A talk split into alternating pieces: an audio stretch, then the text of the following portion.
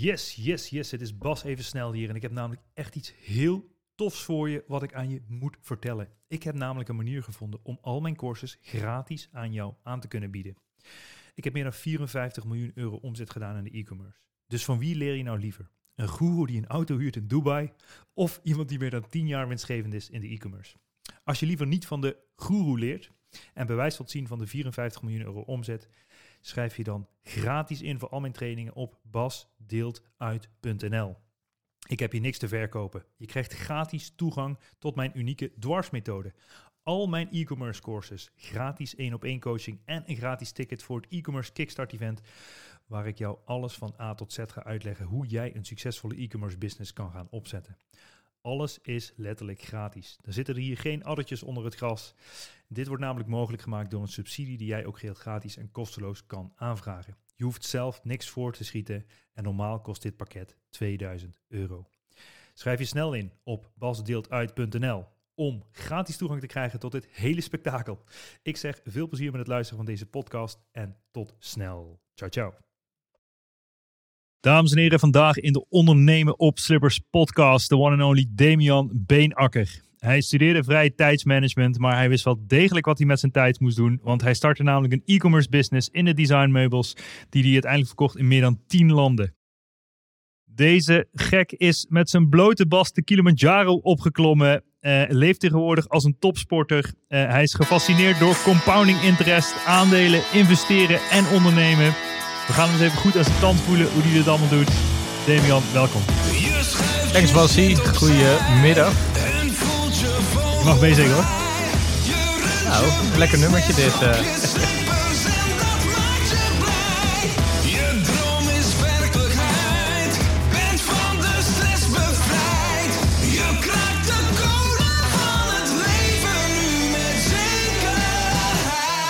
Ja, zeker man. Zeker, zeker, zeker, zeker. Welkom Damian. Um, wij kennen elkaar natuurlijk al wat langer. Kun je zeggen. Een hele ondernemersride meegemaakt. Maar uh, nou ja, het wordt natuurlijk een uh, interessant uh, gesprek. Ik, ik stel meestal één vraag in het begin. En dat is even om te kijken wat belangrijk voor jou is in het leven. En dat is, wat zou je doen als je nog drie maanden te leven hebt? Ja, dat is natuurlijk een, een, een mooie vraag. Um, ik denk niet dat ik heel veel zou, zou omgooien als ik, als ik nog drie maanden te leven heb. Waarschijnlijk nog misschien een tripje boeken, maar... en met name de tijd invullen met familie en vrienden. Ja, mooi. Veel tijd met familie en vrienden wanneer. Als ik nog drie maanden zou hebben, dan lijkt me dat een zinvolle invulling inderdaad. Ja, nice. Oké, okay, hey, want uh, waar begon jouw hele spektakel? waar, ben je een beetje, waar ben je een beetje opgegroeid? Ik ben opgegroeid in Noordwijk aan, aan zee. En ehm, daar ben, heb ik gewoond totdat ik acht was. Toen heb ik drie jaar naar Aruba gewoond. Zijn we met de hele familie naar Aruba ver, verkast. Toen je acht was?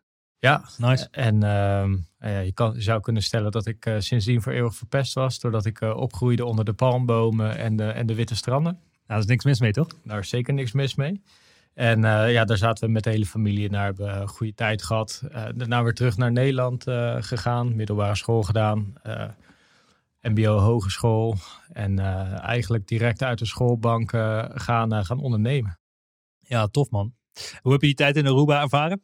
Uh, en, en wat was de reden dat jullie überhaupt naar Aruba gingen? Nou, mijn vader die had op dat moment uh, werkte die 18 jaar op dezelfde basisschool. En ja, hij zat gewoon in een fase in leven dat hij een nieuwe, nieuwe uitdaging wilde. En um, toen zag hij in de krant een advertentie voorbij komen van leraar gezocht op, uh, op Aruba. En aangezien hij leraar was en een nieuwe uitdaging zocht, was dit iets wat hem heel erg aansprak. Uh, dit was in 1992, dus dat was eigenlijk pre-internet tijdperk. Dus toen was het nog niet echt een heel gebruikelijke move om dit uh, te doen. Zeker niet als je een jonge familie had. Uh, dus dat nieuws dat haalde ook echt de voorpagina van de lokale krant. Dus zo'n familie uh, gaat naar Aruba verhuizen. Dat was toen echt een heel ding. Wat fuck. en um, en ja, toen zijn we eigenlijk gewoon gegaan met de familie. Uh, dat waren contracten voor drie jaar, dus stond van tevoren eigenlijk ook al vast dat je, dat je drie jaar zou blijven. En um, ja, wat het, uh, was een heel bijzondere tijd, want uh, ja, natuurlijk ga je in een heel andere cultuur wonen, je gaat in een heel ander land wonen en je wordt eigenlijk helemaal uit je sociale omgeving gehaald en dan ga je in een nieuwe omgeving wonen. En um, En het leuke van die tijd was dat we altijd school hadden tot één uur s middags. En daarna waren we als het ware vrij. Dat is het Arubaanse ritme, is dat? Ja, dat is daar het ritme. Je begint om zeven uur s ochtends, omdat het natuurlijk enorm warm is op dat eiland. En zeg maar, de middag is letterlijk te warm om zeg maar, in de schoolbank goed te kunnen, kunnen functioneren. Oh ja. Uh, nou ja, mijn vader die, uh, die werkte ook als onderwijzer, dus die was ook om één uur s middags klaar. Mijn moeder die werkte ook alleen in de ochtend. Dus toen hadden we eigenlijk drie jaar lang met de hele familie, uh, ja, dat we in de middag leuke dingen konden gaan, konden gaan doen. En dus dat waren drie hele mooie jaren wat dat betreft. Tof. Ja, mooi man. En uh, want jij was acht en toen op je elfde ben je teruggekomen uiteindelijk. Ja, ja. Uh, en, en Nederland. En toen, uh, wat, wat was is je nog het meeste bijgebleven daarvan, überhaupt van Aruba? Nou ja, van Aruba. En ja, wat je bijblijft is natuurlijk dat het daar altijd lekker weer is. Ja. Dus dat je altijd buiten bent. Ik Juist. was volgens mij echt 24-7 was ik buiten te, te vinden. Ja. En ja, op het moment dat je klaar was voor school, dan gooide je spullen in een hoek en ging je leuke dingetjes doen, zeg maar. Ja, mooi. En daar was daar ook alle ruimte voor. Ja. En het eerste wat, wat ik in Nederland zag toen ik daar aankwam, dat weet ik nog goed. Toen vloog ik in een vliegtuig. En dat viel me op dat alles zo heel netjes georganiseerd was. Dus als je uit het vliegtuig komt, dan zie je allemaal rechte lijntjes en vlakjes en ja. landjes. En, uh, en ja, daar maakte ik toen een opmerking over tegen mijn moeder van, hé, wat is hier alles uh, strak en netjes georganiseerd. Dus ik ben ook wel een beetje een soort, ja, die, die, die vrije aanpak, zeg maar, wel, wel gewend vanuit Aruba. Ja, tof. En toen kwam je terug bij je basisschool gaan doen en, en daarna uh, heb je uh, vrije tijdsmanagement gestudeerd? Ja, ik wilde eerst dingen doen in de sport. Dus ik was voor de, voor de SEALs en de HALO was ik, was ik gaan, gaan inschrijven. maar die dag voordat ik de, de HALO-test ging doen, was ik niet helemaal lekker. Dus ik was niet heel fit. En er was ook vrij streng criteria om daar aangenomen te worden. Daar kwam ik toen net niet doorheen. En toen dacht ik, wat nu? Want ik wilde wel wat gaan, eh, gaan studeren. En toen kwam ik op vrije tijdsmanagement. Dat sprak me wel aan. Mm -hmm. nou, als je net uit Aruba komt, dan is vrije ja, tijdsmanagement natuurlijk wel... Nou ja, het was al een aantal jaar later weer. Maar dan, uh, dan, uh, het was eigenlijk een marketingopleiding. Maar dat heet vrije tijdsmanagement. En ja, het is maar goed dat ik daarna ben gaan ondernemen. Want met dat papiertje kom je volgens mij uh, helemaal nergens terecht. Wat leer je daar precies? Hoe je je tijd, hoe je, tijd kan spenderen of hoe anderen tijd kunnen spenderen? Ja, dat is natuurlijk altijd, uh, dat is natuurlijk altijd de, de grap, zeg maar. Ga je er dan heen om je vrije tijd te leren spenderen? Ja. Nou ja, dat, daar heb ik niet zoveel moeite mee. maar wat je tijdens die opleiding leert is met name conceptueel over producten en, en, en diensten denken. En dan met name producten en diensten in de vrije tijdsector. Dus bijvoorbeeld evenementen, maar ook uh, biermerken en uh, andere type merken die, uh, die geconsumeerd worden in de vrije tijd. Ah ja, ja, ja. Tof. Hey, en uh, waar, waar is je ondernemersavontuur een beetje begonnen dan? Hoe zag je eerste, je eerste überhaupt uh, business eruit? Of ja, vertel misschien iets hoe je als, als kind misschien al ondernemerskills aan het, uh, aan het ontwikkelen was. Ja, ja, ja. Want ja, ik kan wel stellen dat dat, dat wel echt in mijn bloed zat, zeg maar. dus ook op het HBO had ik zo'n minor ondernemerschap gevolgd. En ging je daar business ideeën uit, uitwerken. Uh, maar ik had daarvoor ook al, uh, als mijn eerste herinneringen gaan, ook, gaan er terug dat ik als kind Afrikaantjes, dat waren van die bloemetjes, in potjes deed en die ging verkopen in de wijk. en op een gegeven moment rond mijn zestiende met de introductie van de euro heb ik nog van die Finse 1 en 2 eurocent munten verkocht. mijn oom die kocht toen van die hele grote balen in met 1 en 2 centjes. die uh, had ik van hem verkocht voor 50, gekocht voor 50 cent. Dus dat was eigenlijk een goede return on invest voor, uh, voor mijn oom. Uh, maar ik kon die verkopen voor 15 euro. En dat was ja, in die vakantie heb ik in ieder geval mijn stage naar het buitenland kunnen, kunnen bekostigen. Want je verkocht 1 cent voor 15 euro? Ik verkocht de 1 en 2 Finse eurocent die toen schaars waren. Ja. Voor de context, iedereen had toen op dat moment zo'n grote Finse euromap uh, ja, ja, ja. gekregen. Ja, die euro, die euro, of de, de euromap om de euro's te sparen. Juist, om euro's te sparen. Van alle landen. Ja, met die transitie van de, van de, uh, van de gulden naar de euro. Mm -hmm. En, um, en uh, ja, iedereen miste die Finse 1 en 2 eurocent munten. Dus die waren extreem schaars. Want Finland had die uit de roulatie gehaald bij de introductie van de euro. Later zijn veel meer landen die 1 en 2 centen uit gaan halen. Omdat die overbodig bleken te zijn. Uh, maar de Finnen hadden dat als eerste gedaan. En daardoor had iedereen, miste iedereen die Finse 1 en 2 eurocent in zijn collectie. Ehm, behalve dat mijn oom dus zijn hand heeft weten te leggen op een grote jutezak vol met Finse 1 en 2 eurocenten. En hij vertelde dat op een verjaardag van, uh, ja, volgens mij is het wel goede handel en wie wilde gaan verkopen. En ja, niemand in de familie die reageerde daar eigenlijk op. En ik was een mannetje van 16 en ik zag daar wel een kans in. Dus dan uh, zei ik van, nou, dat ga ik doen. En uh, zo geschiedde dus uiteindelijk waren zelfs mijn ouders die zomaar aan het meehelpen om, om te, ja, te verkopen. En ik weet nog goed dat ik een advertentie in de krant plaatste. En uh, echt aan het wachten was wanneer komt de lokale krant nu uit. En toen kwam die uit en toen stond echt letterlijk mijn telefoon rood gloeiend. En er stonden echt rijen mensen aan de deur om dit, uh, dit, uh, dit te gaan doen. Of dit te gaan kopen. Dus dat was een heel gaaf succesje zo op jonge leeftijd. En dat had wel een zaadje geplant voor het ondernemerschap. Maar eigenlijk was ik dat gedurende mijn hele schoolperiode vergeten. dit, dit avontuur. En niemand in mijn omgeving is ook een ondernemer. Dus ik had ook helemaal geen rolmodel of iemand waarvan ik zag van hey, dat is ook een optie in het leven. Um, dus uh, altijd dat deed ik beroepen testen. Dan dacht ik altijd, ja, wat wil ik nou worden? Wat wil ik nou worden? En ik kon eigenlijk niks vinden waar, wat, wat nou uh, ja, leuk klonk in mijn ogen. Um, dus ik dacht altijd dat die beroepentest, dat er altijd een soort van optie niet op stond. En volgens mij staan op beroepenkeuzetesten ook letterlijk de optie ondernemer staan er niet, niet, niet op. Waarschijnlijk niet, nee. dus, uh, dus ik liep eigenlijk mijn hele studie rond van ja, ik doe wel een opleiding, maar ik wist eigenlijk niet echt wat ik, uh, wat ik te doen uh, had daarna. Um, totdat ik ging werken bij een, bij een bedrijf dat heette de Zuurstofbar. En dat werd gerund door een ondernemer en ik zag een beetje hoe hij het aanpakte. En dat stond me wel aan. Ik zag dat hij ja, weliswaar heel erg hard werkte, maar ook wel zijn eigen regels kon, kon bepalen.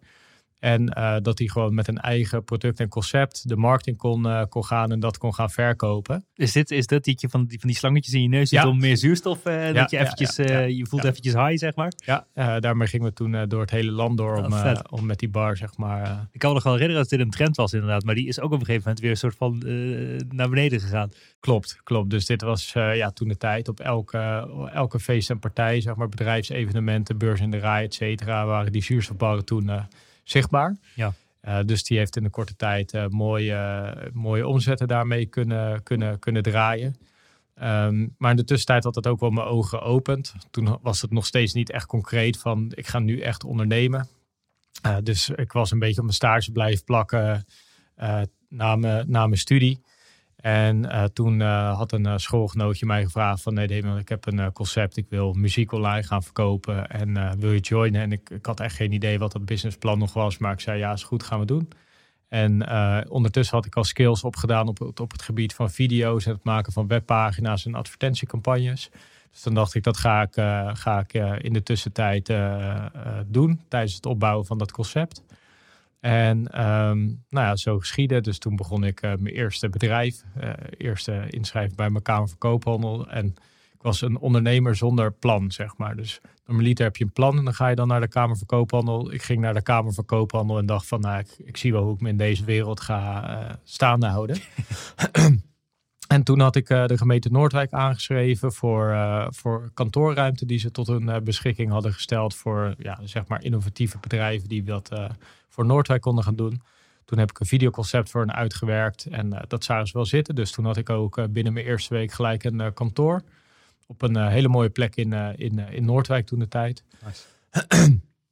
en ehm, maar ja, na, na anderhalf, twee jaar ploeteren in het ondernemerschap zag ik dat je toch wel iets van ja, een, een plan moet hebben waar je, waar je aan werkt. Dus op dat moment, uh, heel simpel gezegd, werkte ik uurtje, factuurtje. Mensen hadden een klusje nodig en uh, ik voerde dat dan uit. Maar dat, in die camerawereld was dat toen ook net een opgaande curve van apparatuur. Dus toen was bijvoorbeeld HD-video net nieuw.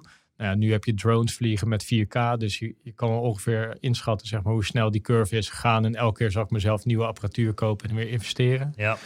En uh, totdat ik uh, uh, ja, een, wat meer ervaren ondernemer tegenkwam. Die vroeg toen op dat moment van... Hey Damien, wat is eigenlijk je businessmodel?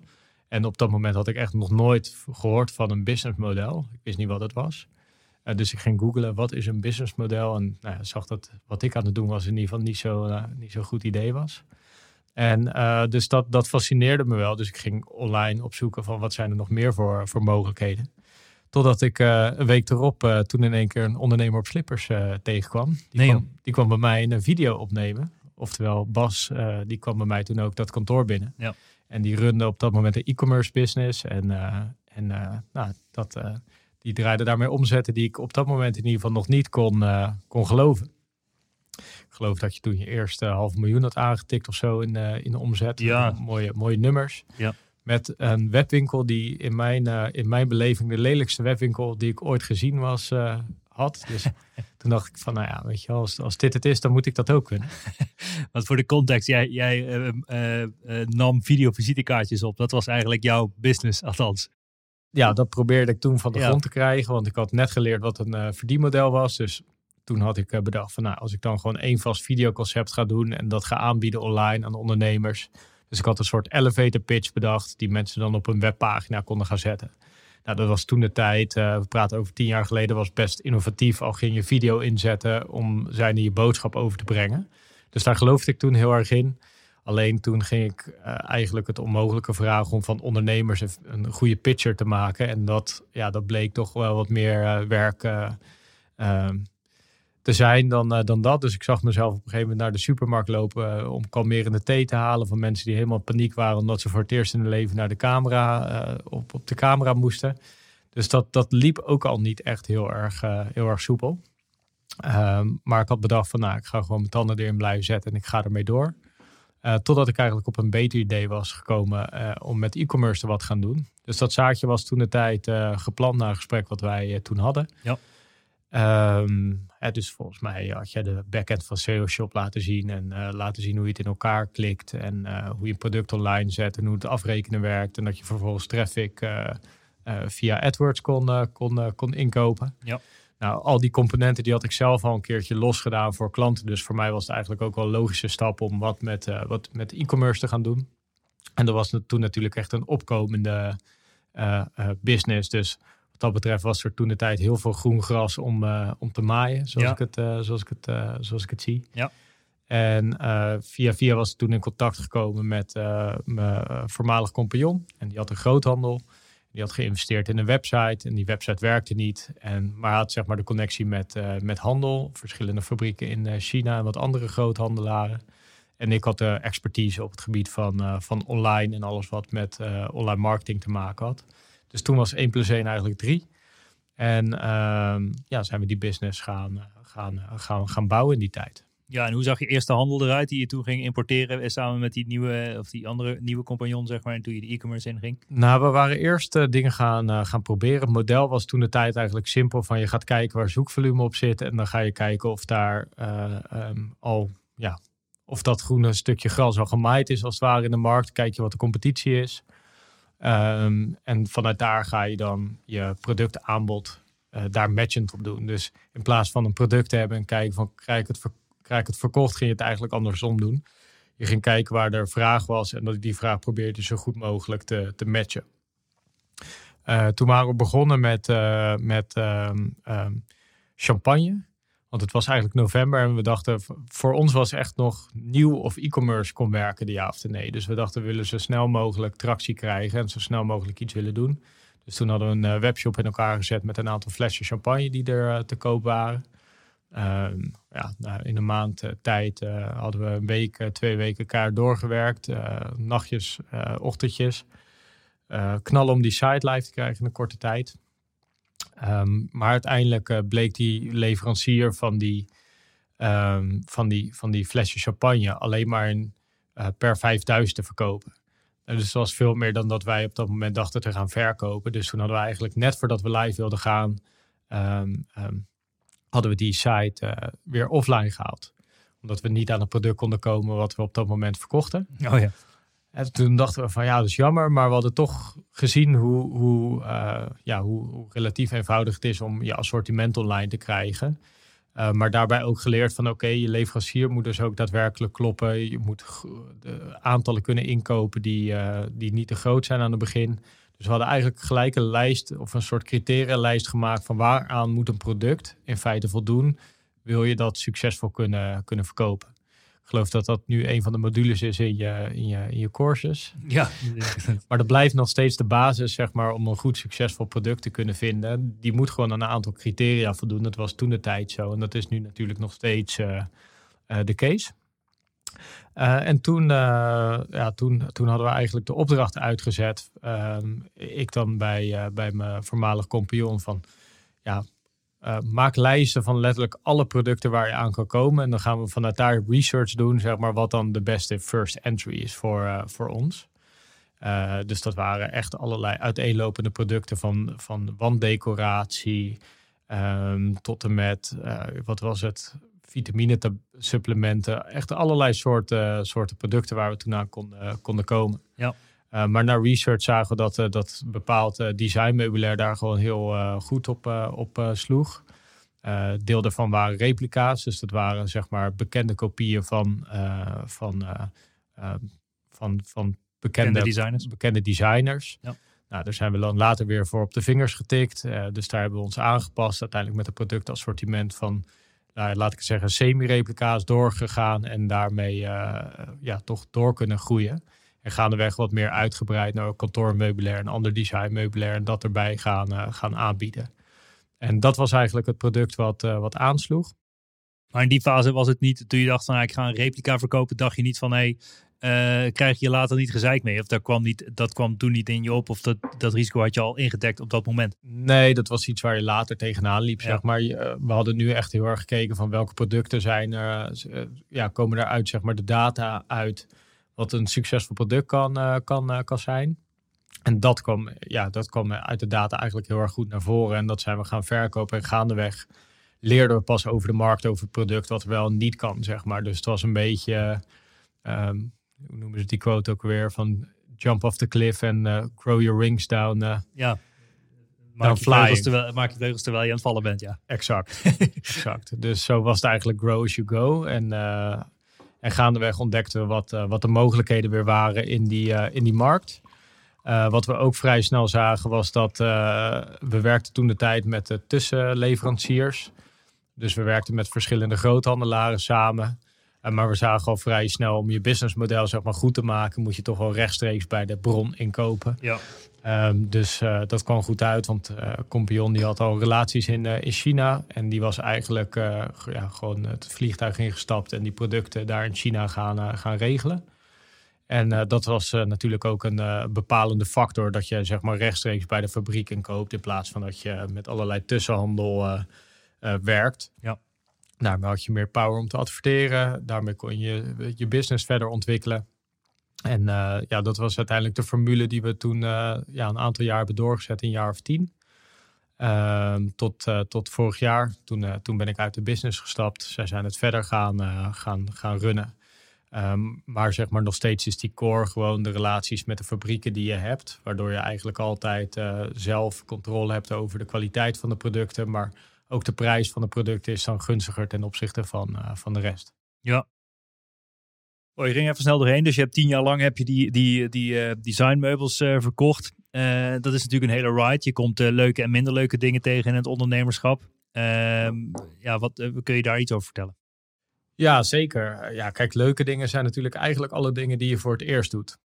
Champagne drinken en zo. Champagne, nou ja, dat valt nog wel mee. Maar Dus uh, je eerste sale, je eerste grote campagne die je doet, je eerste ehm, container die binnenkomt, je eerste personeelslid wat je aanneemt. Dat, ja, dat zijn dingen waar je toch wel met veel eh, hoe zeg je dat, uh, excitement naar terugkijkt.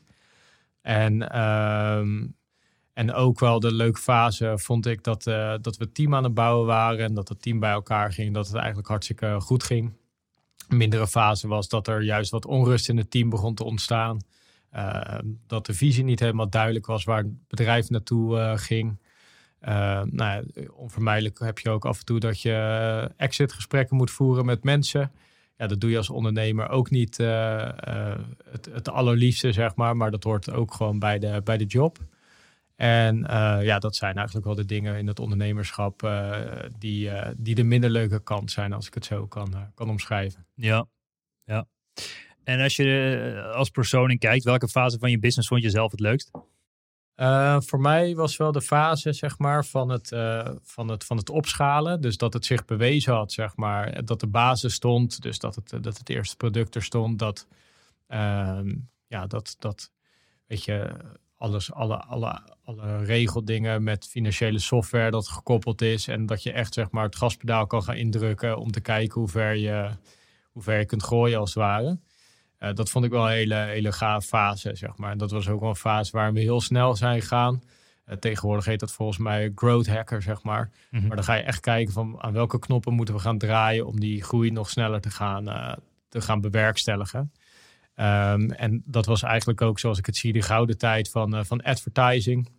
Nog steeds liggen in advertising natuurlijk veel opportunities, maar in die jaren had je zeg maar 2014, 15, 16 was AdWords was uh, relatief nog nieuw. Facebook ads waren relatief nog nieuw. Je had Marktplaats ads, je had beslist. Dus je had echt heel veel kanalen waar je heel goed uh, kon, gaan, kon gaan adverteren.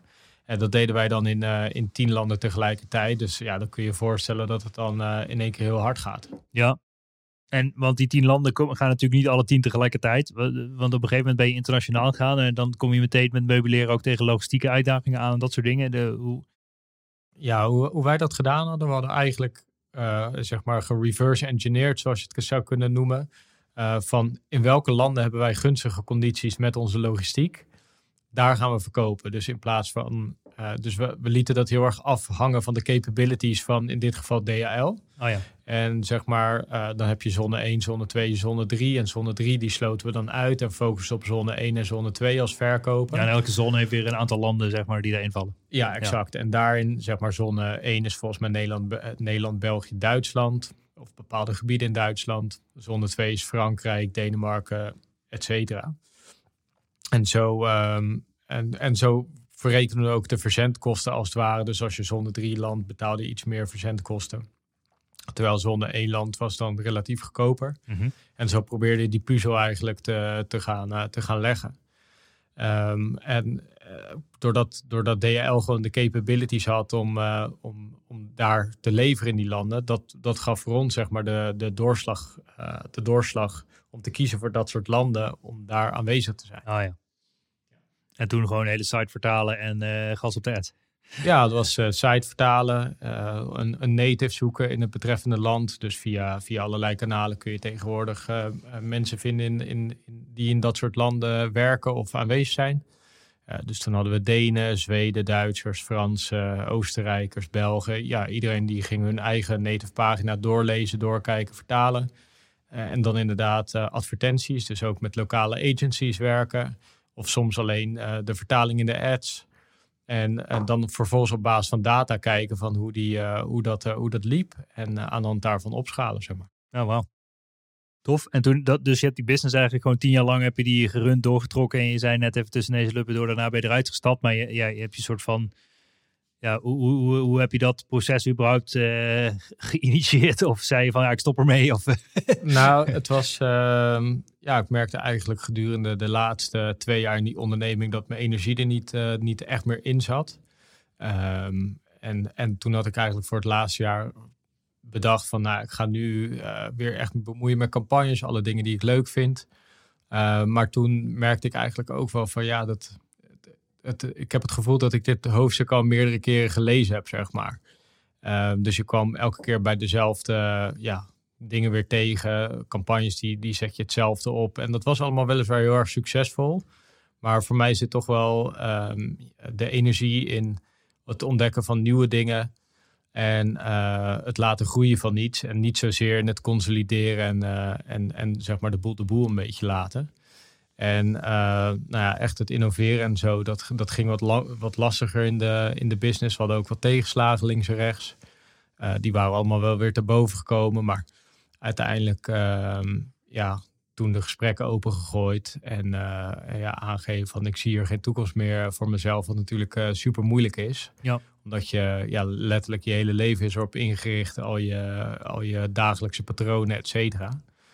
En uh, nou ja, uiteindelijk uh, daar, uh, daar overeenkomst mee, mee kunnen sluiten. En sinds dit jaar ben ik dus eigenlijk een soort van vrij man. Ja, en, en, en dan ben je vrij man. En dan heb je, heb je een paar puntjes op je, op je bankrekening staan. En wat, wat ga je dan doen? Nou ja, in principe, um, in principe was ik daar, daarnaast altijd al heel erg actief als, als sporter bijvoorbeeld. Dus ik, ik heb mijn hele tuin omgebouwd tot, tot een soort gym. dus daar ben ik veel te vinden. Maar ik wilde eigenlijk gewoon eens een periode iets wat gas terugnemen. Zeg maar ook de afgelopen tien jaar zijn wat dat betreft best wel een rollercoaster geweest. En ehm, om ja, gewoon weer even vanuit een rustpositie te kijken wat, wat, wat de komende 10, 20 jaar zeg maar, gaan, gaan bieden. Ik hou altijd wel van van een lange termijn horizon, als het ware, laten we zeggen 15, 15 jaar. Uh, dus ik wil niet zeg maar iets starten waarvan ik, waarvan ik volgend jaar dan denk van ja, dit is hem niet helemaal. Um, en ik merk eigenlijk hoe meer tot rust ik weer kom vanuit die, uh, vanuit die tien jaar tijd. Um, dat de creativiteit ook weer echt uh, begint, begint toe te nemen. Ik weet niet of jij dat ook herkent als je ja, meer vanuit rust creativiteit krijgt. Of ja, nee, absoluut. Weet je, ik bedoel, kijk, ik heb zelf natuurlijk twee jaar lang rond de wereld gereisd, terwijl mijn business eigenlijk doordraaide. Maar dan zit je een beetje onder de palmboom na te denken van hoe zou ik het gaan aanpakken. En dan heb je toch een veel betere kijk op de dingen dan dat je helemaal bekrompen achter een bureautje zit en uh, midden in de operatie zit, zeg maar. Ja. ja, en ik denk ook dat juist creativiteit vandaag de dag in business juist de doorslaggevende factor is voor, voor het groeien van je business. Ja. En niet zozeer de, de, de uren die je erin stopt. Hard werken is natuurlijk ook uh, heel erg belangrijk. Maar zeg maar uiteindelijk de juiste keuze maken en de juiste idee implementeren. Uh, dat heeft vele malen meer, uh, meer effect. Dus en naarmate die rust toeneemt, uh, begint bij mij ook weer meer perspectief te staan van mogelijkheden die ik zie en mogelijkheden die ik wil gaan benutten. Maar tot nu toe is ook doordat uh, kleine geboren is natuurlijk. Ja. sinds, sinds een aantal weken, of ja, sinds tien weken eigenlijk vader. Mooi. Dus dat is ook weer een nieuw hoofdstuk in mijn leven. Dus waar het oude boek eigenlijk uit was, uh, begin ik nu zeg maar langzaam de eerste pagina's van het nieuwe boek te lezen. En dat is uh, erg leuk. Ja, tof. Hey, voordat we wat verder ingaan op dat hele compounden, aandelen, investeren en dat soort spektakel waar je nu al mee bezig bent, geloof ik. Uh, heb je ook in je blote bast Kilimanjaro beklommen? vertel, vertel dat verhaal eens even. Nou ja, ik denk wat, wat, wat uh, denk ik ook onze vriendschap uh, zeg maar, bindt, is dat we beide wel van een avontuurtje houden, zeg maar, buiten de business. Van slippertjes houden we. Van slippertjes. dat zijn jouw woorden. ja. Dus, uh, dus bij de Kilimanjaro die berg op. Nou, dat was eind 2015 was ik met Wim Hof in aanraking gekomen. met zijn trainingsmethode die hij heeft, Wim Hof Method. En ik zag een video voorbij komen en ik dacht van ja, deze man die begrijpt iets wat ik niet begrijp. En dat vind ik ja, wat, reuze wat, wat die video trok je precies uit? Uh, nou, het, het, hij, hij legde uit over zeg maar gezondheid. En uh, zijn visie erop en uh, hoe je meer energie krijgt. En op dat moment, toen had ik eigenlijk net nou, mijn drukste periode in de business achter de rug. En ik had eigenlijk standaard voordat ik ging slapen, had ik last in beide benen. Dus vanuit mijn onderrug kon ik, moest ik moest ik echt elke avond voor het slapen gaan een half uur strekken. Voordat, ik, uh, voordat mijn benen uiteindelijk normaal aanvoelden, zeg maar. En op dat moment was ik 29. En ik dacht, dat kan niet waar zijn dat, dat ik zeg maar nu als een soort van afgetakeld wrak uh, door het leven moet gaan. En ik dacht, hier moet ik wat aan gaan doen. Maar ik, ik wist niet echt waar ik moest, uh, waar ik moest beginnen. En toen zag ik dat die reis gehouden werd. En dat sprak me enorm aan. Dus dat, dat, dat leek me heel gaaf. En dat was in de Pyreneeën. En toevallig was ik die week ook in Barcelona. Dus ik dacht, hé, hey, dan kan ik gelijk, uh, gelijk door. En toen ben ik die, uh, uh, die week gaan doen. Zijn we allemaal ademhalingsoefeningen gaan doen. we zijn van bruggen af gaan springen.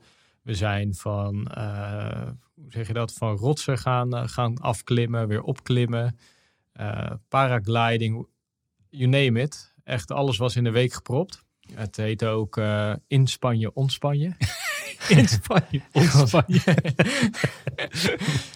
dus er waren altijd van die leuke titels voor die, uh, voor die reizen. En uh, ja, ik kwam eigenlijk na die week, weet je, we hadden die hele week ademhaling, ademhalingsoefeningen gedaan. We waren naar buiten geweest. Uh, ja, eigenlijk net als als in Aruba was ik gewoon continu buiten te vinden in die week. En elke dag gingen we, onszelf iets meer stretchen, zeg maar, om uh, weer een nieuwe fysieke uitdaging aan te gaan. En toen kwam ik uh, terug in Nederland na die uh, reis in, in de Pyreneeën. En toen echt knalde de energie echt letterlijk uit mijn oren, zeg maar. Ik voelde me echt zo goed. dus ik had echt iets nieuws weer ontdekt waar, ja, waar ik gewoon helemaal gepassioneerd over was, was geraakt. En, um, en dus uiteindelijk het jaar erop was ik ook weer meegegaan naar, naar Polen.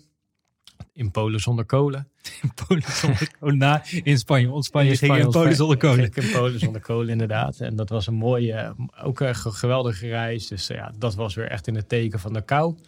Uh, dus dat was echt uh, met de min 10 gingen we daar in ons korte broek uh, de berg beklimmen. En we gingen in het koude water zwemmen. En dit was ook een groep van Wim Hof, toch? Juist. Ja. En um, ja, tijdens die, tijdens die Polentrip had Wim het over van ja, ik wil, uh, ik wil naar Tanzania, we gaan we de Kilimanjaro belopen. En hij had dat al een aantal keer gedaan, uh, zelf en het jaar daarvoor ook met een groep. En uh, ja, ik was eigenlijk de eerste die zei ja, daar ben ik bij, want dat, dat lijkt me alleen maar mooi. Ehm, dus ik kom thuis en ik zeg tegen mijn vrouw, schat, ik heb twee, twee tickets, we gaan de Kilimanjaro beklimmen nou ja, die was op dat moment nog net even iets minder uh, enthousiast. dus ik had misschien even eerst moeten vragen en dan de tickets uh, halen, zeg maar. Maar uit enthousiasme had ik gelijk mevrouw ook op, uh, opgeschreven. maar ja, die moest op dat moment natuurlijk ook dan plotseling de Kilimanjaro gaan beklimmen. Dus die zette heel eventjes de hak in het zand, omdat hij het even niet zo zag, zag zitten. En nou ja, uiteindelijk zijn we dat gaan, gaan, gaan doen. En tijdens die klim van de Kilimanjaro, want we hebben dat met een groep gedaan in 32 uur, uh, grotendeels een korte broek, terwijl het gewoon boven daar op die top uh, min 10 is. En ja, daarmee ontdek je gewoon dat er gewoon zoveel meer in jezelf zit dan wat je denkt als zit je bijvoorbeeld achter je broodje, uh, achter de computer. Um, dat ik daar, ja, dat heeft me sindsdien heel erg gegrepen van oké, als ik dit dus kan en uh, met de business had ik mezelf al een aantal keren overtroffen voor mijn gevoel. Ja, dan ga je echt heel erg nadenken van wat, wat kunnen wij als mensen allemaal? En dat is, uh, dat is veel meer dan dat we daadwerkelijk denken. Je probeert ook altijd voorbij je eigen uh, gedachten en denkpatronen te gaan natuurlijk. en, en die kun je heel erg opzoeken door dat soort extreme dingen eigenlijk te, te gaan doen. Uh, dan zie je eigenlijk dat het ook heel erg goed gaat. En dat je tot prestaties in staat bent die je vooraf uh, nog niet eens bij elkaar hebt, uh, hebt durven dromen. Maar hoe zag het de, de, reis naar toe voordat je aan de voet van de Kilimanjaro stond eruit dan? Het, ging je elke dag wandelen, trainen, ijsbaden, ademhalen, ja, whatever je... Ja, wat je ging doen was, je, was um, je ging met name ging je heel lange wandelingen maken. Dus zeg maar de capability die je moest hebben, de, de, de kwaliteiten die je moest hebben, was dat je minstens 20 kilometer kon wandelen, zeg maar. Dus dat is op zich niet heel erg. Uh, heel Als je dat kan, dan kun je Kilimanjaro op. Of? Ja, dan kun je in principe de Kilimanjaro op. Maar wij trainen dan door dat soort lange wandelingen te maken in de kou. Mm. Ja, dus dan gingen we bijvoorbeeld naar, uh, naar de duinen toe, midden in de winter. En dan, uh, ja, dan liepen we door de duinen heen in ons korte zwembroekje. al die mensen natuurlijk raar opkijken van hey, wat, doen die, wat doen die vogels nou? En uh, nou, liepen daar met Stine met ons blote bast voor uren door de kou heen te, te banjeren. en dan aan het eind uh, doken nog met z'n allen de zee in, zeg maar. Dus dan op een gegeven moment was je uit helemaal paars en blauw van de, van de doorbloeding. Uh, maar zo train je je lichaam zeg maar, te reageren op dat soort extreme omstandigheden. En doordat je je lijf in extreme omstandigheden brengt, dus bijvoorbeeld in die kou, ontstaan er triggers in je lijf die je lijf in een soort van fight or flight modus brengen. Uh, waardoor jij dat soort omstandigheden veel beter aan kan dan dat je normaal liter in de, in de winter bijvoorbeeld hebt. Hè? Want dan kun je het soms koud hebben met een, eh, met een, uh, met een jas aan nog. Mm -hmm. uh, dus in Polen kwamen er echt mensen naar ons toe. Die wilden met ons op de foto. Die hadden zeg maar twee skipakken tegelijk aan. En die zeiden van, ik kan het niet geloven. Want jullie lopen hier al een tijd en wij hebben het gewoon koud. Terwijl ik zeg maar in mijn skipak zit. Hoe moet het dan voor jullie zijn? Maar wij hadden zeg maar al die systemen in ons lijf al aangesproken door middels ademhaling, maar ook door uh, een stukje mindset wat erbij komt kijken. En wij hadden het eigenlijk helemaal niet koud op dat moment. En dan, dan sta je wel echt bij jezelf van, wow, hier gebeurt wel heel iets bijzonders. Van de, uh, hier staan letterlijk mensen met twee skipakken aan te rillen. En wij lopen eigenlijk lachelijk te, te lachen en te geinen terwijl we de berg op, uh, op klimmen. Vet. En, en hoe zag die daadwerkelijke reis eruit naar boven dan? Dat is natuurlijk, ja, bedoel, dat klinkt natuurlijk leuk. Hè? En, en het avontuur is natuurlijk vet, maar het is natuurlijk geen makkie om eventjes de Kilimanjaro op te, op te huppelen. Nee, je hebt, je hebt best wel goede focus nodig terwijl je die berg oploopt. Dus je hebt gewoon continu, uh, lig je aandacht op de ademhaling die, uh, die je doet. Uh, maar ja, tegelijkertijd heb je natuurlijk voldoende tijd om om je heen te kijken en de omgeving te zien. En wat zo bijzonder is, je begint onderaan in de jungle. Uh, dus dan zie je echt letterlijk apen in bomen zitten. En uh, de vegetatie is echt extreem groen. Maar gaandeweg dat je naar boven gaat, uh, dan begint het eerst een beetje op een bosgebied, daarna op een duingebied, daarna op een zandgebied. Totdat je op een gegeven moment op een soort marslandschap loopt, waar echt letterlijk helemaal niks meer groeit. Dan zit je boven het, boven het zuurstofpeil. Zuurstof wordt steeds, steeds minder. Het wolkendek ligt al ver, ver onder je. En ja, de omstandigheden worden steeds barrer en barrer en die worden steeds primitiever. Uh, ook de wc's bijvoorbeeld, de eerste stop die je tegenkomt, zijn gewoon keurige huisjes met schoongemaakte toiletten. Maar naarmate je meer naar boven komt, ja, dan zie je gewoon hokjes waar eens in de vijf dagen iets uh, doorheen gehaald wordt. Dus dat is allemaal extreem primitief. En daar groeit ook echt daadwerkelijk niks. Dus je loopt daar ook, ja, het is niet super inspirerend. Je loopt tussen de ijsschotsen en de, en de, en de brokken rots. En op dat moment is het ook echt letterlijk overleven wat je aan het doen bent. Want zeg maar onder in de jungle kun je nog uh, lekker genieten. Daar is er genoeg zuurstof aanwezig. Maar boven in de lucht wordt die lucht steeds eiler en eiler. Uh, dus op een gegeven moment zie je ook je tempo echt meer en meer afnemen terwijl je naar boven loopt. Dus aan het begin kun je nog uh, bij wijze van spreken 10 meter in, in, in 10 seconden doen. Op een gegeven moment doe je over 10 meter doe je bijna een minuut. En dan loop je echt voetje voor voetje voor voetje die berg op. En is het ook extreem ja, steeds meer afzien, zeg maar, wat je dan, uh, dan aan het doen bent. Dus de laatste zes uur van de, van de klim, ja, dat voelt meer aan als een, uh, als een beproeving op, je, op jezelf, dan mm. dat je echt aan het, uh, aan het genieten bent. En omdat je natuurlijk ook met een groep loopt en iedereen is vermoeid, dan ontstaan er ook sneller irritaties. Dus ja, je leert ook heel erg goed zien van wat, wat extreme stress met, met, met mensen doet. Uh, maar uiteindelijk als je dan boven op die bergen bent, uh, ja, dan heb je natuurlijk een enorme kick. Want dan zie je zeg maar echt letterlijk heel Afrika als het ware liggen. Uh, het is de, het hoogste punt van Afrika en dan kun je zo ver kijken als je maar, maar kan. En ik heb daarboven natuurlijk ook nog Veri ten huwelijk gevraagd. Ja, dus... ja, je hebt je vrouw daar ten huwelijk gevraagd. Dat is natuurlijk natuurlijk super vet is. Want volgens mij was je eh, ergens uh, vier, vijf, zes uur voor de top. En toen dacht je, oh, kan niet meer. En toen ben je gaan bedenken van, hey, wacht even, misschien ga ik de top even mijn vrouw ten huwelijk vragen. Ja, ja, als motivatie voor mezelf om, uh, om te doen van, nou ja, weet je, het was ook natuurlijk iets wat je samen zo meemaakt. Ja. En, en ik zag haar echt zo extreem, ja, natuurlijk ook inzet leven tijdens die berg. Dus dan wist ik wel van, nou ja, als ze dit uh, aan kan, dan moet ze ook wel de rest van mijn leven met mij aan kunnen. Dat is ook een obstakel natuurlijk. mooi. Maar uh, ja, dat was heel mooi. En uh, ja, was waarschijnlijk ook niet zoveel zuurstof in de lucht. Dus was ook niet zoveel weerstand. Dus ze zei ja aan deze. Dus, ja, iedereen was high. ja. ja, vet avontuur man. Ja. Ja, dat is weer extreem. Het is toch mooi om te zien dat je die extreme opzoekt, kou en, en, en, en dat soort dingen. En dat je die, die dingen ja, van Brugge spreekt en weet ik het allemaal. Um, dat vind ik een mooi verhaal altijd van, van Wim Hof, moet ik altijd denken. Dat hij dus uh, onder de ijsschots is doorgezwommen ergens in, in de Noordpool of de Zuidpool, geloof ik. en dat hij niet had beseft dat zijn oogleden aan elkaar zouden vriezen als hij onder het ijs zou doorzwemmen. Dus er waren twee wakker gemaakt en hij moest van het ene punt naar het andere punt zwemmen. Toen vroegen zijn, zijn oogleden aan elkaar. Waardoor hij dus de tas het duister deed. Ja, serretina zoals dat heet. Dus dat, is je, dat is inderdaad je, je ooglid. Mhm. dat, was, uh, dat was bevroren. En met dat scenario hou je natuurlijk niet rekening als je dat gaat, gaat doen. Dus je denkt duikbrilletjes voldoende. Ja.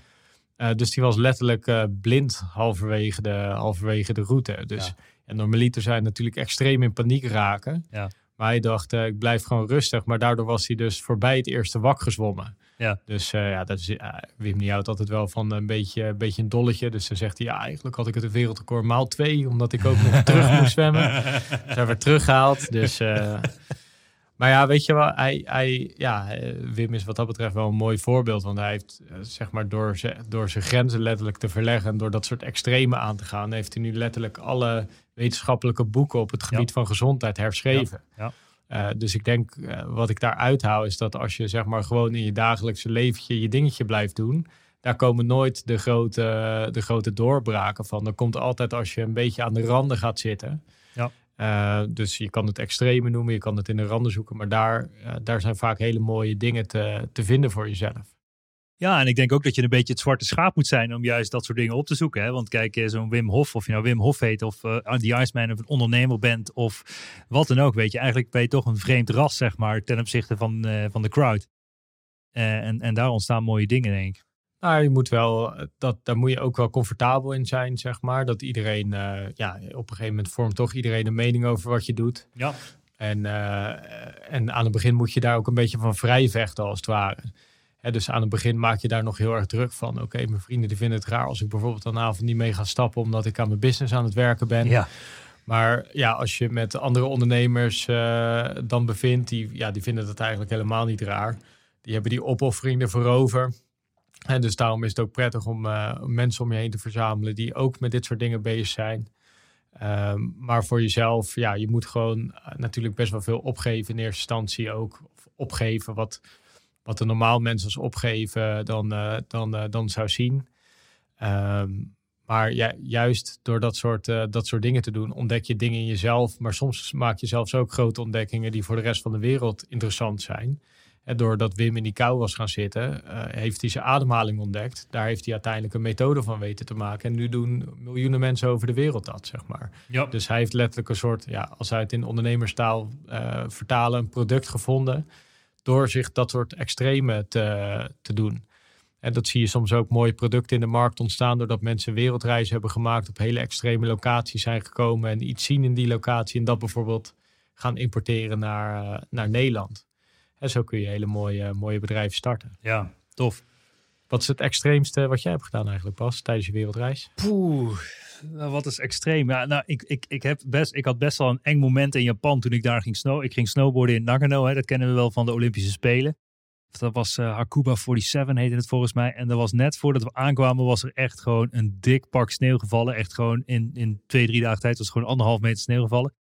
En een vriend van mij die kwam over uit Nederland. Die, uh, die, uh, dat is echt een snowboardfreak. Die, ja, die had gewoon, die kwam alleen voor die snowboardtrip. En we hadden nog een paar dagen Tokio eraan vastgeplakt. Kwam die naar ons toe om samen met ons snowboarden in Japan. Dus dat was sowieso heel vet. Maar uh, toen ging ik off-piste met hem. En, en dat is natuurlijk iets wat een soort van stout is. Maar ja, het, het, was een vrij laag gebied ook. Dus het was allemaal echt van die hele losse poedersneeuw, zeg maar. Uh, en als je daar off-piste gaat dan, uh, en je, wordt je skipas meteen ingenomen. Dus dan is het eigenlijk gewoon een soort van game over. Maar de troost was is dat je elke dag een nieuwe skipas kreeg. Dus dan was het eigenlijk game over voor de dag. Maar um, nou, we zaten ik weet het nog, we zaten onder een skilift zaten we te, te, te snowboarden. En hij kan gewoon net, hij heeft gewoon meer ervaring in snowboarden. Weet je, ik kan wel prima snowboarden, maar hij is gewoon net een tikkeltje beter. Dus hij ging ergens als het baas door die poeder, zeg maar. En iedereen in die lift zat half te klappen en zo. En ik was er een beetje achteraan ploeteren. Maar toen heb ik dus gewoon in de dikpak sneeuw heb ik letterlijk een soort van rol gemaakt, zeg maar, onder in die lift. En toen heb ik ervaren, zeg maar, hoe het is om gewoon ja, half te stikken in de sneeuw, zeg maar. En, dat, en dat, dat was voor mij best wel een extreem en een eng moment. Op dat moment dat ik dacht van, oké, nu snap ik dus dat mensen als in een zitten, zeg maar, dat ze dus doodgaan. En dat was wel extreem. Maar ja, goed, ik heb ook uh, kamelen gereden in, uh, in uh, de Mongo Mongolië, in de desert, en in van die, van die gurs geslapen. Ja, weet je, we hebben best wel veel, we hebben natuurlijk de hele treinreis door Rusland, Mongolië, China gedaan, dat soort dingen allemaal. Dus was wel, dat was wel ja, tof. eigenlijk was die hele reis wel een was natuurlijk al zwaar ook er volledig buiten de begaande paden natuurlijk al uh, gaan met je auto en gewoon tussen de locals en al dat soort Zeker, dingen. ja, ja, juist, juist. Ja. Ja, ja, nou ja, daar hadden we natuurlijk uh, meer contact op de app dan, uh, ja, dan dat je normaal liter hebt. Ja, ja, we hebben veel contact gehouden ook tijdens die wereldreis. Dat was echt epic, ja. Nee, maar we hadden het ook over compounding interest. Hè? Leg eens even voor de leek uit wat compounding interest is, Damian. En uh, hoe iedereen eigenlijk rijk kan worden. Nou ja, dat, dat, dat, dat, is maar de vraag. Want je moet natuurlijk wel geduld hebben. Dat is, nou ja, ook dus dat. Het hele, het hele ding. En uh, nee, maar zeg maar, kwam vrij vroeg kwam ik op het uh, principe van compound interest terecht. In het ondernemerschap kwam ik daar al, liep ik daar al tegenaan. Dus dat is eigenlijk dat je je groei van wat je ook, van wat je ook doet. Dat kan zijn van je, van je vermogen, maar dat kan ook je groei zijn van je bedrijf. Dat je dat weer herinvesteert in verdere groei. Dat is wat je doet. Mm -hmm. en dus in plaats van in de business was het bijvoorbeeld de eerste paar jaar uh, hebben we helemaal geen management fee genomen. Uh, stopten we zoveel mogelijk geld terug in de business. Om, om zeg maar dat vliegwiel alsmaar sneller en sneller en sneller te laten, te laten gaan. Mm -hmm. En dus we zagen op het moment dat wij zeg maar meer uh, geld in de business stoppen, rendeert het ook daadwerkelijk beter. Dus da daarmee kunnen we de omzet gewoon heel spectaculair laten, laten groeien in een, in een relatief korte tijd. Mm -hmm. uh, maar dat principe van de compound interest, dat kwam ik eigenlijk ook weer tegen toen ik, uh, toen ik die berg aan het oplopen was. Zeg maar zo'n berg, als je dat van tevoren bekijkt, dan denk je, oh, hoe ga ik daar in godsnaam, hoe ga ik daar in godsnaam opklimmen? Uh, maar dan neem je eigenlijk allemaal kleine stapjes en je blijft gewoon heel consistent uh, die stapjes nemen. En voordat je het weet, kijk je om en dan heb je eigenlijk al meer dan de helft van die berg achter de rug. Ehm, en, en terwijl je op dat moment eigenlijk ook niet denkt van ik ben heel erg moe of zo. Maar dan zie je, oké, ik heb nog maar de helft van de berg te gaan en dan ga je door. Dus daar zag ik dat principe weer. Uh, later ben ik heel erg gaan, gaan sporten. En uh, nou, toen heb ik een soort fysieke transformatie doorgaan. Door op mijn voeding te gaan letten. Door vier keer in de week te gaan trainen. En door dat alsmaar gewoon consistent vol te blijven houden. En om mijn groei daarin ook weer te investeren in verdere groei. Dus um, doordat, ik, uh, doordat ik meer kennis van voeding opdeed. To toen begon ook in één keer begon ik beter af te vallen. Toen begon ik meer spiergroei te creëren. Dus dat, dat zette zich eigenlijk ook in één keer door. Um, en ook uh, in het investeren, wat ik sinds uh, 2014, 2015 ook ben gaan, gaan doen in verschillende dingen. Dus ik heb een appartement gekocht op een gegeven moment. Um, ik, ben, ik heb aandelen gekocht samen met jou toen de tijd uh, in 2014, bitcoins. Ja, dat was tijdens de wereldreis. Ja, dat, bitcoins, nou, dat, dat waren allemaal zeg maar opstapjes zeg maar, ja. in het leren hiervan. Um, um, nou, dus daar, daar neem je af en toe ook wel eens een, uh, een, uh, een gokje, zeg maar, zo'n bitcoin. Dat is natuurlijk, daar hoop je dat daar iets moois van ontstaat. Dus echt investeren noem ik dat niet echt, omdat het niet echt iets produceert of zo. Het is meer uh, gokken. Dat is gokken, maar ja, ja, Dat, dat is af en toe ook leuk. Kan ook goed uitpakken. Dat kan ook goed uitpakken, inderdaad. Pakt ook goed uit in die tijd. Ja. Uh, het leuke, leuke deel van het verhaal is dat ons uh, geld volgens mij maal 10 was gegaan in die tijd. Uh, het nadeel van dit verhaal is dat als we onze bitcoins aangehouden, hoeveel zouden we dan ongeveer nu ja. waard zijn? Ja, ik, ik had uitgerekend laatst dat ik, als ik ze nog had, dat ik 6 miljoen aan bitcoin waarde op de top had gehad. Hè? Dus dan Op had je het ook op het perfecte moment moeten verkopen. Maar in ieder geval, eh, het was een, een multiple die in de duizenden keer over de kop ging. Ja, nou, vol, volgens, mij, is- volgens mij zat ik zelfs op iets van 12, 13 miljoen of zo. Dus ik had Ja. er laatst nog een printscreen van eh, op mijn Facebook gezet. En ja, er stonden echt van die comments onder van niemand die het kon geloven dat, eh, dat we toen al die coins hadden. ja. Maar ja, dat is ook wel weer, geeft ook wel weer lessen, weet je, dat je zulke soort dingen aangaat. Want ik weet nog dat wij toen gesprekken hadden van ja, in 2020, dan is dit, eh, dan is dit de toekomst. En we waren eigenlijk super excited over dat concept. Maar toch waren we bij de eerste fluctuaties of zeg maar rit omhoog, werden te nerveus en zijn we gaan verkopen. ja. Ehm, terwijl je daar natuurlijk je lessen uit leert van als je gelover bent in het concept en, en, en zeg maar de long-term value van iets. Dan moet je gewoon eigenlijk rustig op je stoel blijven zitten en het gewoon zichzelf laten, laten bewijzen. Ja. Maar als je in de heat of the moment bent, is dat extreem moeilijk om zeg maar die spier ja, ge- te, getraind te houden. En dus dan, eh, dan weet ik nog, toen, eh, toen belde jij op en toen eh, zei ja, ik ga ze nu echt verkopen. En ik dacht, well, ik ga eerst even uit eten. Ja, En toen, toen had ik een pizzaatje op. Dus ik dacht, kwam thuis, ik, ik F5 mijn pagina en ik zie dat het echt nog maar de helft eh, was van wat het was. volgens mij twee keer de helft. Twee keer de helft. maar ja, weet je, dus dat zijn allemaal dingen waar je, waar je van leert als Ja. het ware. Ja. Ehm, maar ik had, al, ik had dat principe van compound, dus zeg maar je groei weer herinvesteren in groei, dat begreep ik ook wel heel goed daarvan. Dus toen ik een appartement gekocht had en weer verkocht had, dacht ik niet, ik ga nu allerlei gekke dingen doen met, dat, eh, met die inkomsten die ik, eh, die ik gemaakt heb, maar ik ga dat weer doorinvesteren in iets wat weer verdere groei oplevert. Nou, en dat, dat is een principe, dat heet compound interest. En ehm, dat principe, dat, dat, dat kan je eigenlijk op alles toepassen, maar het komt voort uit de beleggingswereld. Eh, Albert Einstein heeft geloof ik het achtste wereldwonder genoemd. Omdat, eh, omdat het zeg maar met name in de lange termijn heeft het een extreem... eh, Compounding effect. heeft het een extreem effect. Ja. Dus die curve die blijft eigenlijk vrij, vrij rustig. Mhm. Het is echt typisch een exponentiële curve. Dus ze gaat van 2 naar 4 naar 8. Dus aan het begin lijkt het allemaal niet zo snel te gaan. Maar op een gegeven moment gaat het van 32, 64, 128 en weer verder. Dus dan worden die leaps als het ware steeds groter. En ehm, eh, ja, dat, dat principe is mooi. En dan probeer ik ook altijd eh, in, in de business weer terug te vinden van wat zijn nou componenten die, zeg maar, als je dat maar lang genoeg blijft doen, een compounding effect hebben. Eh, dus bijvoorbeeld met Makeover hebben een SEO-strategie. Nu de business waar ik aan het helpen ben met, met tentenverhuur. Eh, ja, zeg maar van de, van de tenten die we verhuren, investeren we weer in nieuwe tenten. Ja. Dus zo rolt dat door. En daar ben ik eigenlijk altijd wel naar op zoek. Zeg maar, naar wat is, eh, je zou het de exponentiële factor kunnen noemen, maar je zou het ook de Mhm. geduldfactor kunnen noemen. Van wat als je dit gewoon consequent blijft doen en herinvesteren. Ehm, ja, hoe kun je dan doorgroeien, zeg maar, naar levels die, net als die berg, die je eigenlijk vooraf niet voor mogelijk had gehouden. Mooi.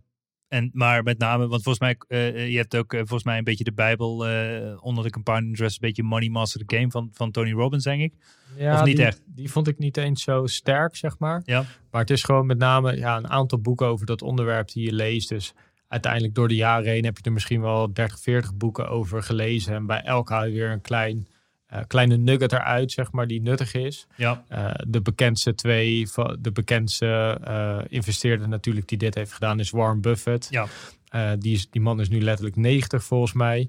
En hij is begonnen toen hij 20 was. Dus ja, dan heb Ja. je 70 jaar, zeg maar. En Ja.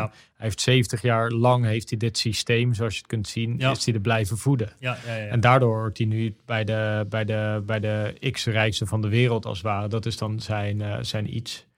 Want jij past het eigenlijk dus toe op alle vlakken in je leven. Hè? Dus sport, eh, aandelen, business, noem het allemaal maar op. Eigenlijk investeer je continu een beetje je winsten voor het grootste deel terug in een grotere stack eigenlijk. En eh, waardoor, die, waardoor het vliegwiel eigenlijk wordt aangedreven. Ja, dat, dat is het. Van, eh, ehm, ehm, zeg maar, ik doe natuurlijk wel van allerlei avonturen. Weet je, ik ga naar het buitenland. Dus ik heb, ik heb een leven wat gewoon echt, eh, echt super is. Maar ik leef niet extreem op grote voet of zo. Ik, ik, ik ga niet, eh, ja, zeg maar, de cliché dingen, dure auto's of zo. Dat soort dingen. Ja, is, natuurlijk mag ieder, als je daar echt gepassioneerd over bent. Ik zeg niet dat je geen dure auto's moet kopen of wat dan ook. Over 2,5 jaar heb jij geloof ik een, eh, een, een Tesla eh, Cybertruck, toch? Of, eh, Cybertruck, die hebben we gepreorderd. die hebben we gepreorderd. Ja. Of we hem nog gaan bestellen is een tweede. ja, ja, als die in Nederland wordt toegelaten, Ja, precies. Dat, gaan, we, gaan we zien. Ehm, maar, maar dat principe van, van, van compound interest, dat zie Ja. je inderdaad op alle vlakken terug.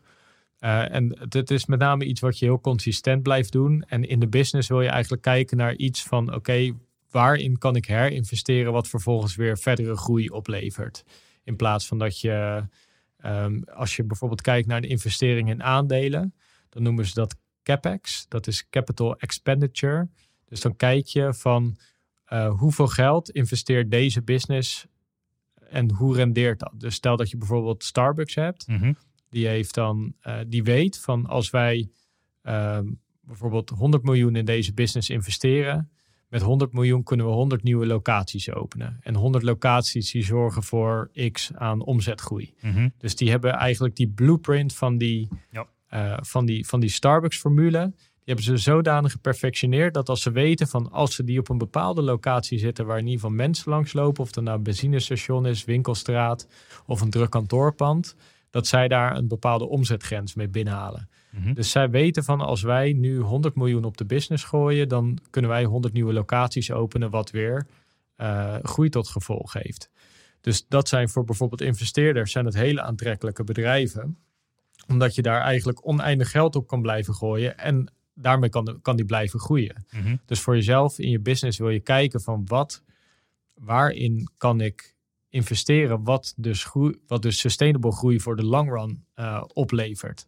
En dat is nog moeilijker dan dat je, dan dat je denkt. Zeg maar. Als je echt iets hebt waar je, eh, ja, waar je oneindig groei mee kan realiseren. Vaak is je groei maar beperkt tot een bepaald plafond. Ja. Eh, maar de, de beste bedrijven ter wereld die hebben eigenlijk een heel beperkt, beperkt plafond. Die, voor, voor hun is letterlijk het plafond als zeg maar in elke winkelstraat over de hele wereld een Starbucks zit. Dat Ja. is hun plafond. Zeg maar. Ja. ja, of totdat de corona komt, dan is het plafond. Nou ja, dan, eh, dan- het plafond komt dan naar beneden. Komt het plafondetje van naar beneden inderdaad. Ja. Ja, Dus dat zijn dingen, weet je, zo gaandeweg eh door, door verschillende dingen te doen in je leven, weet je, dat ik denk dat jij dat ook kan, eh, kan beamen. Dan, dan zie je dat, dat heel veel dingen eigenlijk raakvlak hebben met elkaar. Ja. Jij hebt al een gezin. Ja, zeker. Gezin dat, dat de manier waarop je met je gezin omgaat, dat heeft ook weer gelijkenissen met hoe je bijvoorbeeld met, eh, Met business zit en alles. Ja. Je bent alles eh, is met elkaar verbonden, absoluut. Ja, maar dat is ook wel juist het mooie, dat het allemaal met elkaar verbonden is. Maar je ziet de sterktes en de zwaktes in elk onderdeel terug, zeg maar. Ja, ja. ja en, eh, en eh, ehm, ja, bij, bij de berg is letterlijk gewoon blijven lopen en dan kom je uiteindelijk bij de top terecht. Ja.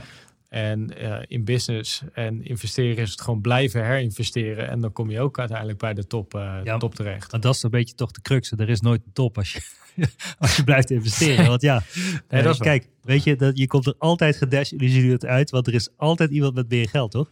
Ja, maar dat is de bedoeling helemaal niet. Oké. dat, is- dat, daar gaat het natuurlijk helemaal niet om. Je, gaat, je, gaat, je doet het omdat je het ja, je krijgt een bepaalde voldoening uit, zeg maar. Het is een leuk spel. Ja, dus het zoeken naar, eh, het uit, uitpluizen, maar bijvoorbeeld ook eh, in de business waar ik nu mee bezig ben met de tentverhuur. Ja, dan is toch het verdienmodel op orde krijgen. En dus het is ook een soort van grote puzzel die je aan het leggen bent met, dit soort, met dit soort zaken. Ja. en, en, bij zo'n berg, bijvoorbeeld bij zo'n fysiek avontuur, is het juist weer zeg maar dat je voor jezelf bewijst dat je het onmogelijke ja, aan het begin van de voet, dan sta je echt letterlijk met pijn in je buik omhoog te kijken van fuck, moet die, moet die Kilimanjaro omhoog? Ja.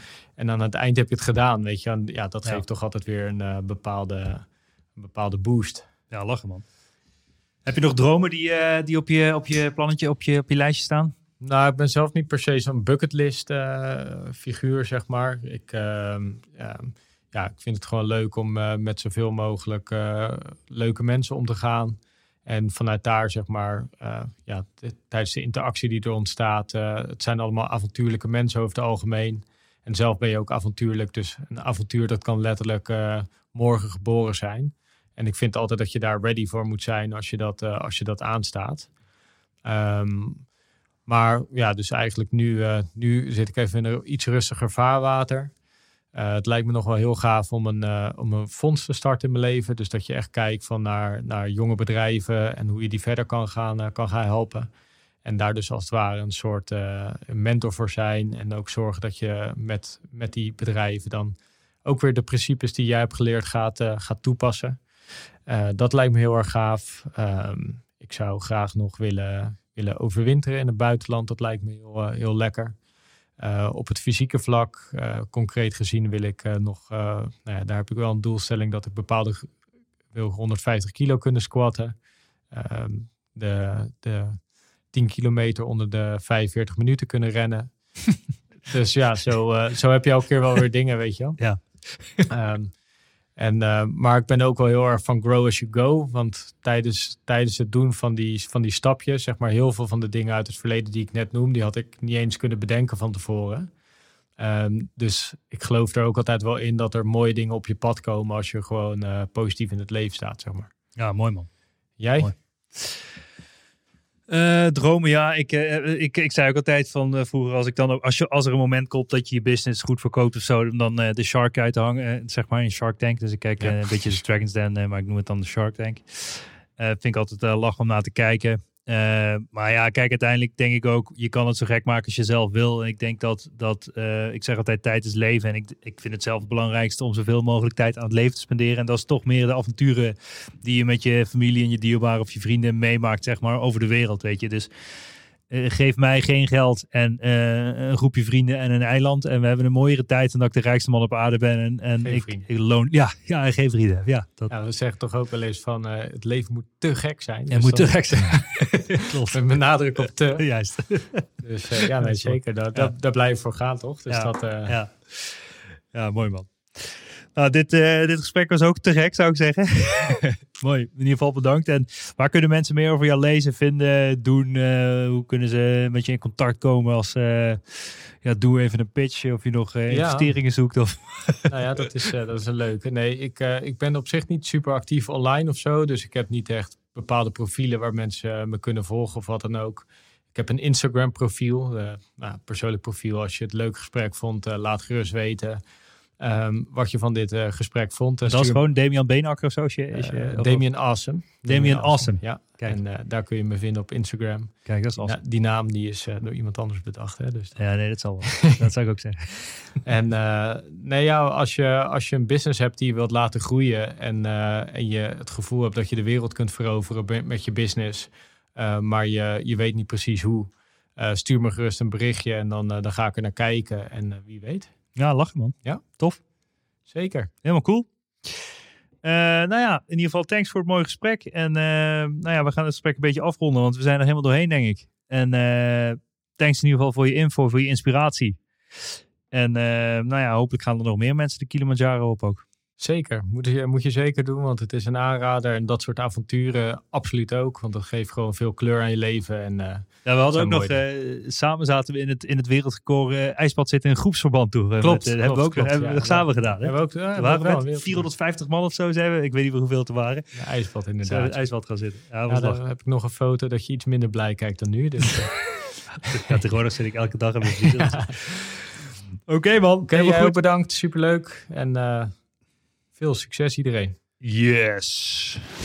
Bedankt voor het luisteren naar de Ondernemen op Slippers podcast. Check voor meer informatie ondernemenopslippers.nl. Tot de volgende keer. Yes. Dat was de one and only Damian Beenakker. Eh, die gek heeft gewoon in zijn blote bas de Kilimanjaro verklommen. Leeft als een topsporter. Heeft je uitgelegd wat compounding interest is. Dus iedereen moet gaan compounden om uiteindelijk daar te komen. Misschien wel waar je wil zijn. Of misschien wel financiële vrijheid te behalen. Of wat dan ook. Eh, check zijn Instagram profiel. Damian Awesome. Als dat niet awesome is, dan weet ik het ook niet. Ik zeg tot de volgende keer. Dit was toch een onwijs gave episode. Laten we eerlijk zijn. Ik vind het onwijs tof. Mocht je nou waarde vinden in deze episodes, check dan ook eventjes mijn LinkedIn, Bas Eurlings. En geef mij gewoon even een persoonlijk berichtje wat je van deze podcast vindt. Nogmaals, ik kan alles gratis aan jou geven. Wil je leren in de e-commerce? Gratis in op één coaching. Gratis e-commerce kickstart event. Ga naar basdeeltuit.nl hoe jij subsidie kan aanvragen door gratis, om gratis toegang te krijgen tot alles wat ik gemaakt heb. Check it out en tot snel. Ciao, ciao.